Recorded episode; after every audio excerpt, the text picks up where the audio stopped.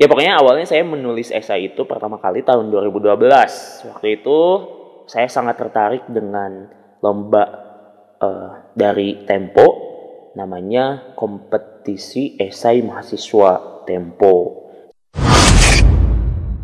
Pokoknya saya sih ngerasa sangat berterima kasih banget lah sama esai-esai yang ditulis oleh uh, peserta-peserta di lomba ini. Saya agak-agak gak berani untuk ngirim atau ngopiin semua koleksi esai yang saya kumpulin gitu karena saya yakin itu gak bakal dibaca pengalaman-pengalaman saya kayak gitu.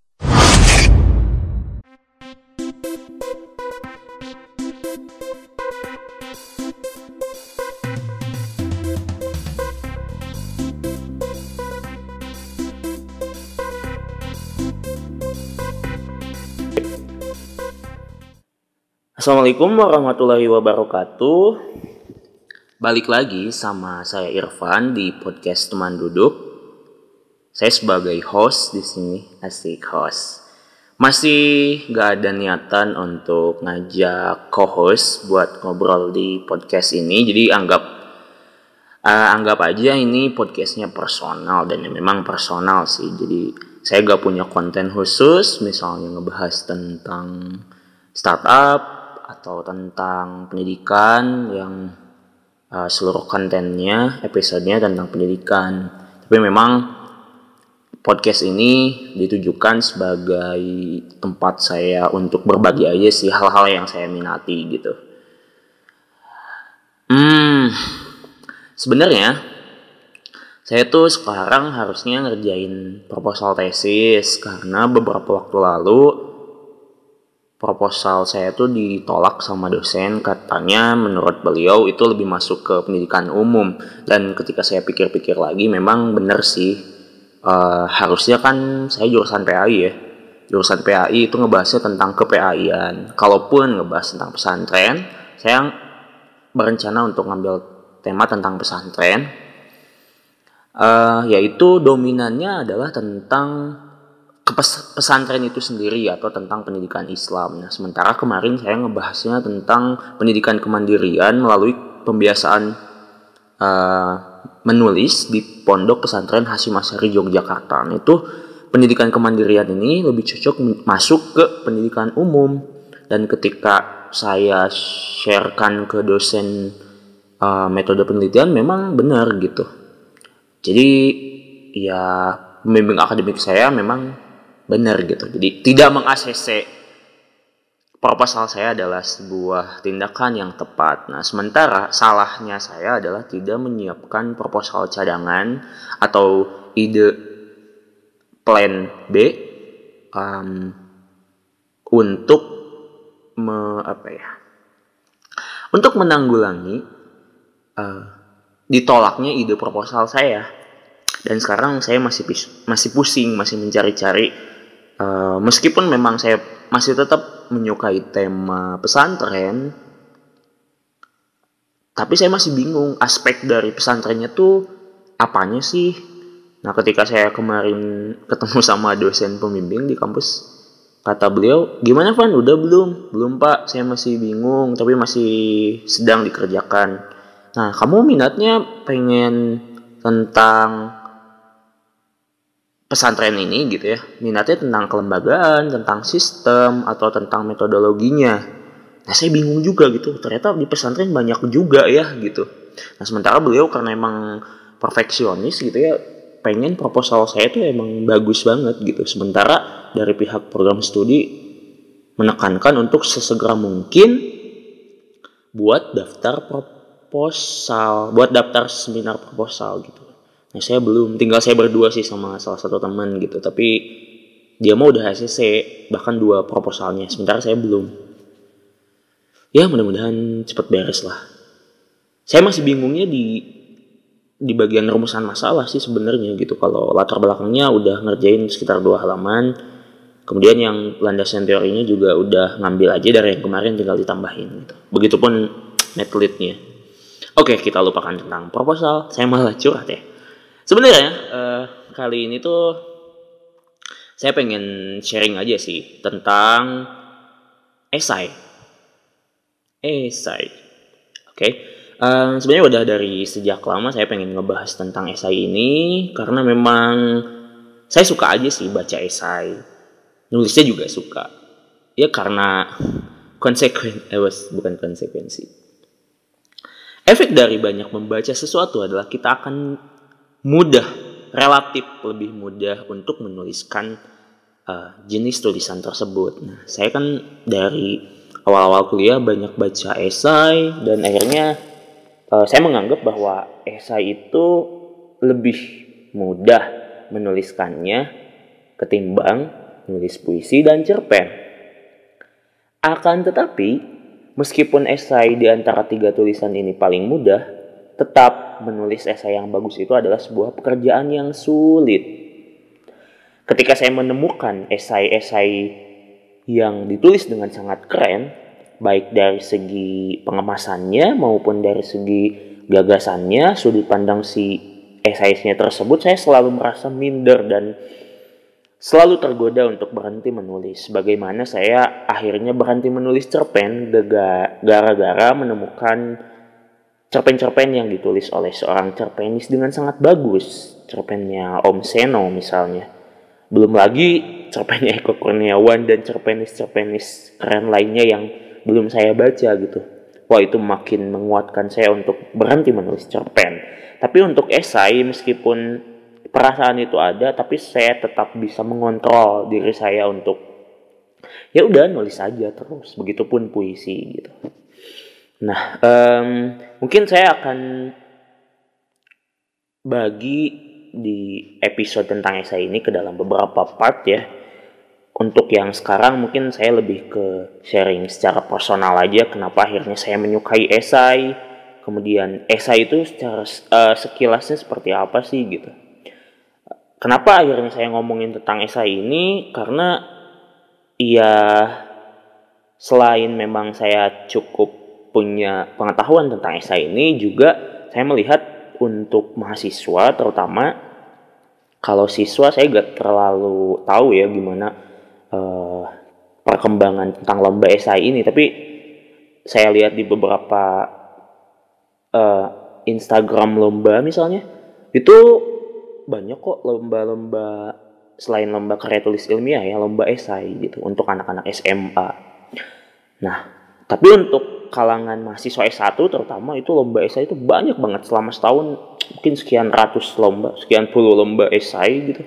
Nah, ini menurut saya bisa menjadi peluang untuk teman-teman mahasiswa um, untuk memanfaatkannya gitu entah misalnya dengan tujuan untuk mendapatkan reward berupa hadiah, berupa uang untuk menunjang keperluan uh, sehari-harinya atau memang untuk menyalurkan gagasannya terhadap tema-tema yang di uh, yang disaji eh, yang di ya yang disajikan oleh si penyelenggara lomba esai tersebut gitu.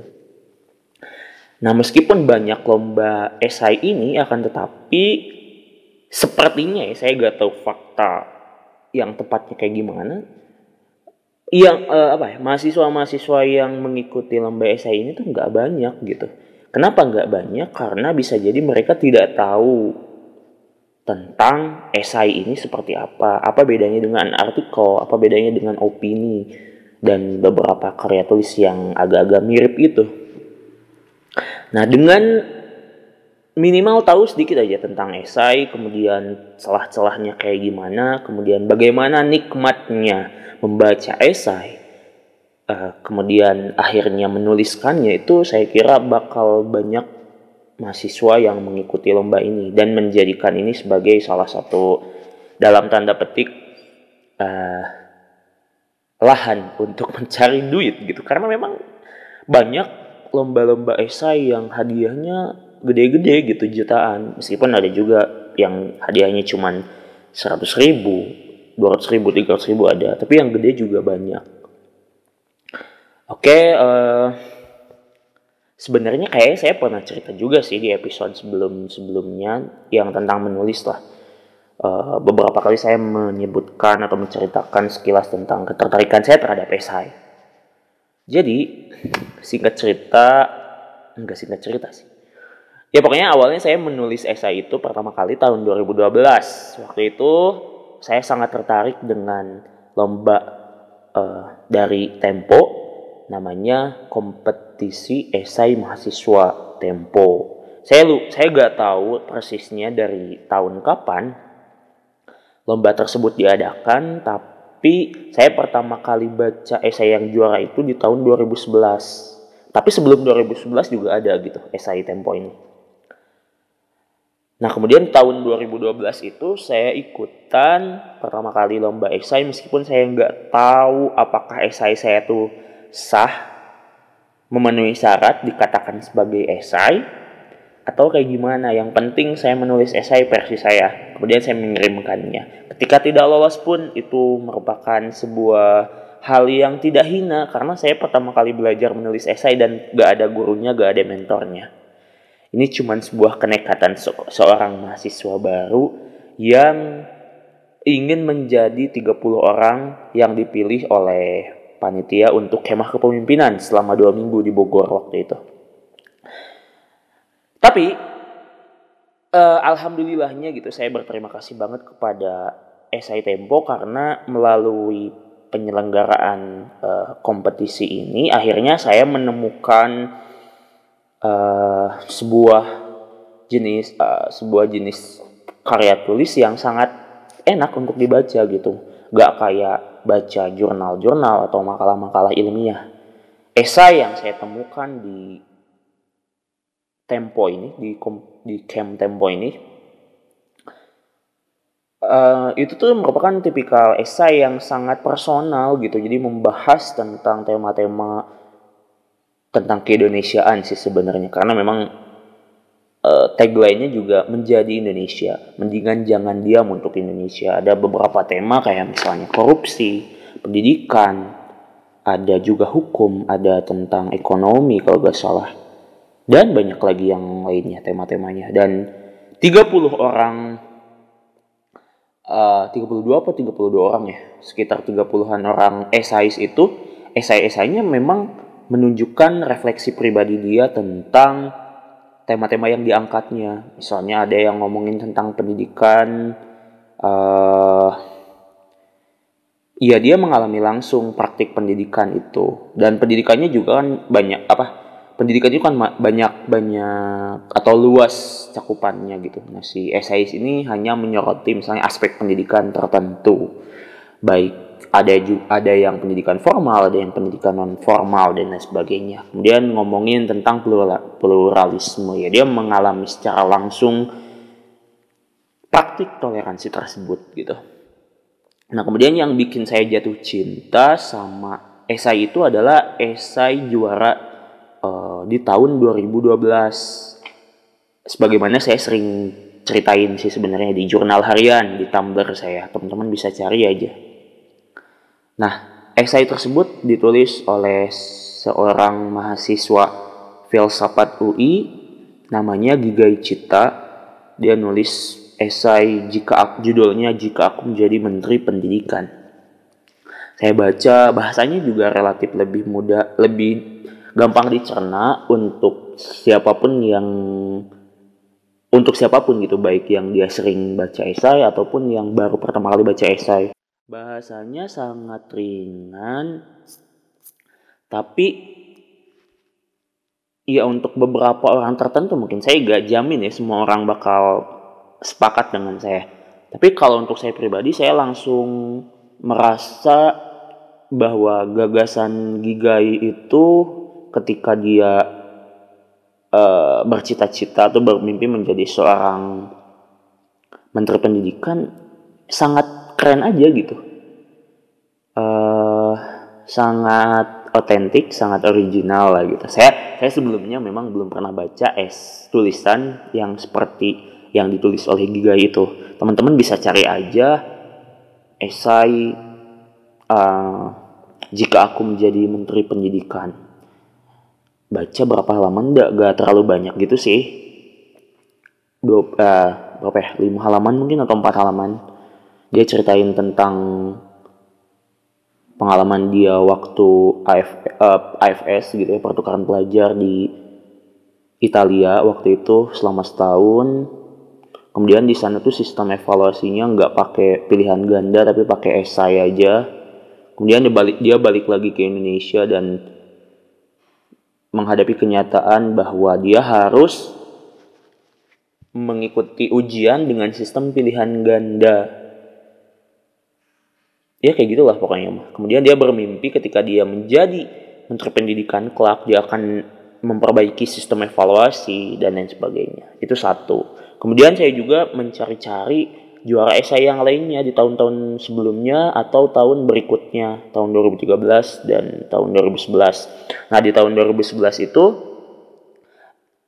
esai yang juara adalah esai yang ditulis oleh Kang Diora Bintang. Dia menulis esai dengan judul Mengeja Indonesia di Sekolah Persatuan. Dia menceritakan pengalaman dia yang uh, sekolahnya itu memang sekolah multikultural gitu, jadi berbagai agama ada di sana. Itu kalau gak salah waktu SD atau SMP, saya agak lupa lagi. Pokoknya teman-teman cari juga esai uh, itu gitu. Kalau misalnya esai yang ditulis Giga itu bahasanya cenderung lebih santai, lebih mudah dicerna. Nah kalau misalnya Kang Diora ini dia agak-agak sastra gitu, agak-agak puitis bahasanya karena memang ketika saya membaca blognya juga uh, Diora Diora dan Bintang .blogspot.com teman-teman bisa baca sendiri itu dia uh, kayak nulis puisi juga gitu dan mungkin pasti dia baca puisi dan itu mempengaruhi cara dia bertutur, cara dia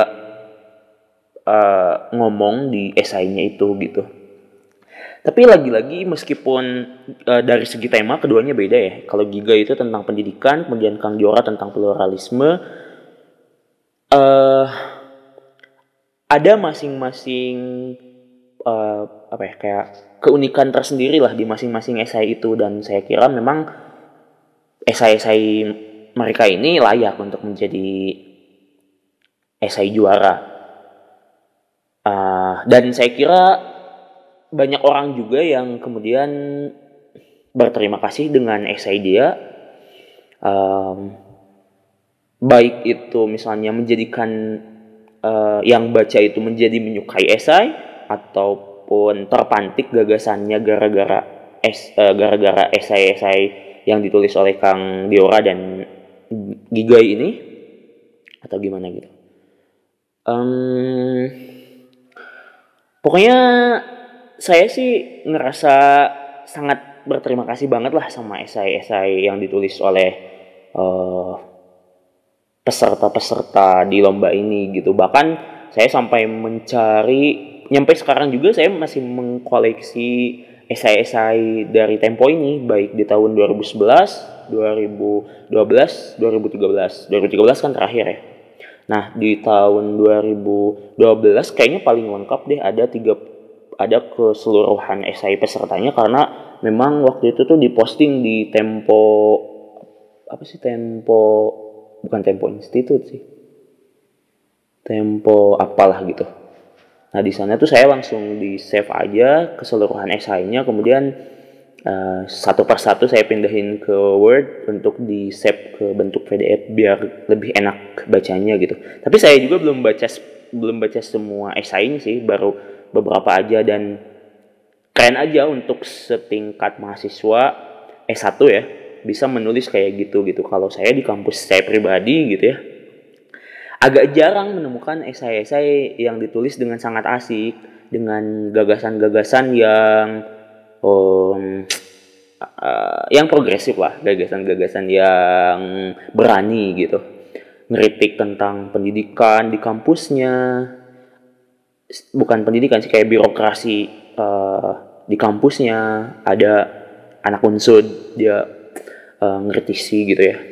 Anak fakultas pertanian atau apa gitu.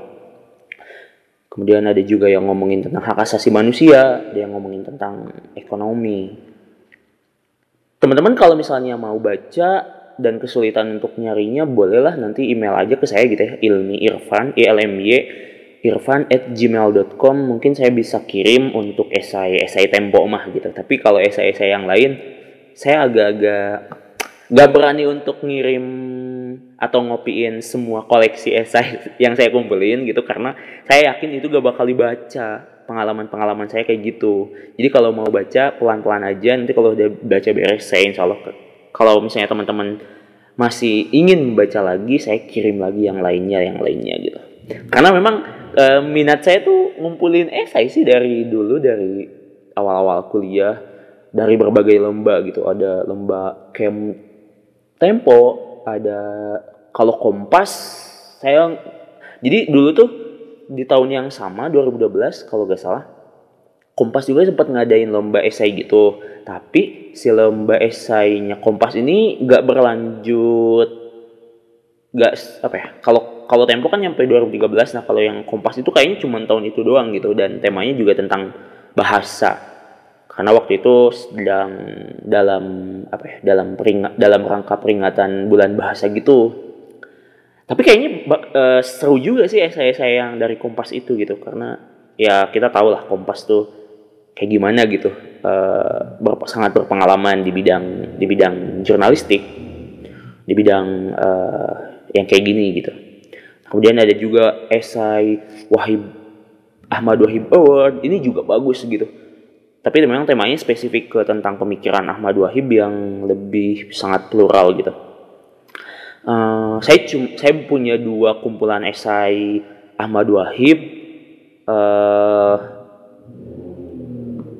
saya agak lupa-lupa gitu sih untuk tahunnya tapi ada yang ditul ada yang pengantarnya ditulis oleh Kang Zeneres dia sebagai salah satu juri juga. Um, kemudian ada juga yang satunya lagi teh Kang Fad Fahdepi kalau teman-teman pendengar tahu dia juga sempat jadi juara di esai tersebut sehingga di kumpulan esai tersebut tuh ada nama beliau dan ada esainya gitu. Uh, nah di di Ahmad Wahib ini tuh ada Mas Novel. Mas Novel tuh sempat masuk juga ke 30 besar esai Tempo tahun 2012. Kemudian dia juga masuk ke buku Ahmad Wahib ini.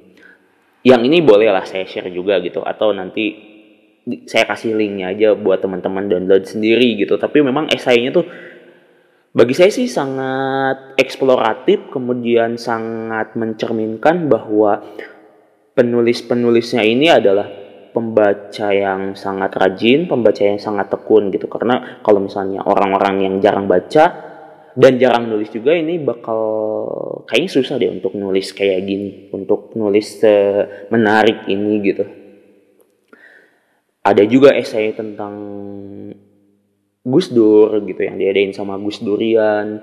Ada uh, esai santri ada esai-esai yang diadain sama kampus-kampus termasuk esai uh, Al-Qalam Al-Qalam Writing Festival itu uh, kalau dulu agenda tahunannya nah saya mengkoleksi esai. Selain uh, cerpen juga gitu. Karena ada dua lomba kan cerpen sama esai um, gitu sih. Apalagi ya? Uh, udah sih kayaknya mah. Ini udah 20 menit ya. Saya share aja sih itu tentang pengalaman pribadi saya. Kenapa akhirnya menyukai esai dan sampai sekarang saya masih konsisten membaca esai mencari esai-esai uh, baru dari berbagai platform ya esai-esai di Mojok, saya baca esai-esai uh, di blog pribadi penulisnya, kayak misalnya esai Kang Zen di pejalanjauh.blogspot.com ini tuh blog lamanya, kemudian di kurangpiknik.tumblr.com, kemudian saya juga cari esai-esainya uh, siapa? Esai-esainya Mahbub Junaidi. Oke, okay, teman-teman bisa cari esainya Mahbub itu bagus-bagus. Bisa googling atau beli bukunya langsung. Saya juga saya juga punya dua buku tapi judulnya sama. Yang satu saya beli, uh, yang satunya dikasih sama seorang uh, teman gitu. Kemudian kalau yang online itu saya baca esainya Aan Mansur. Esainya esainya Aan Mansur di Medium, at huruf kecil.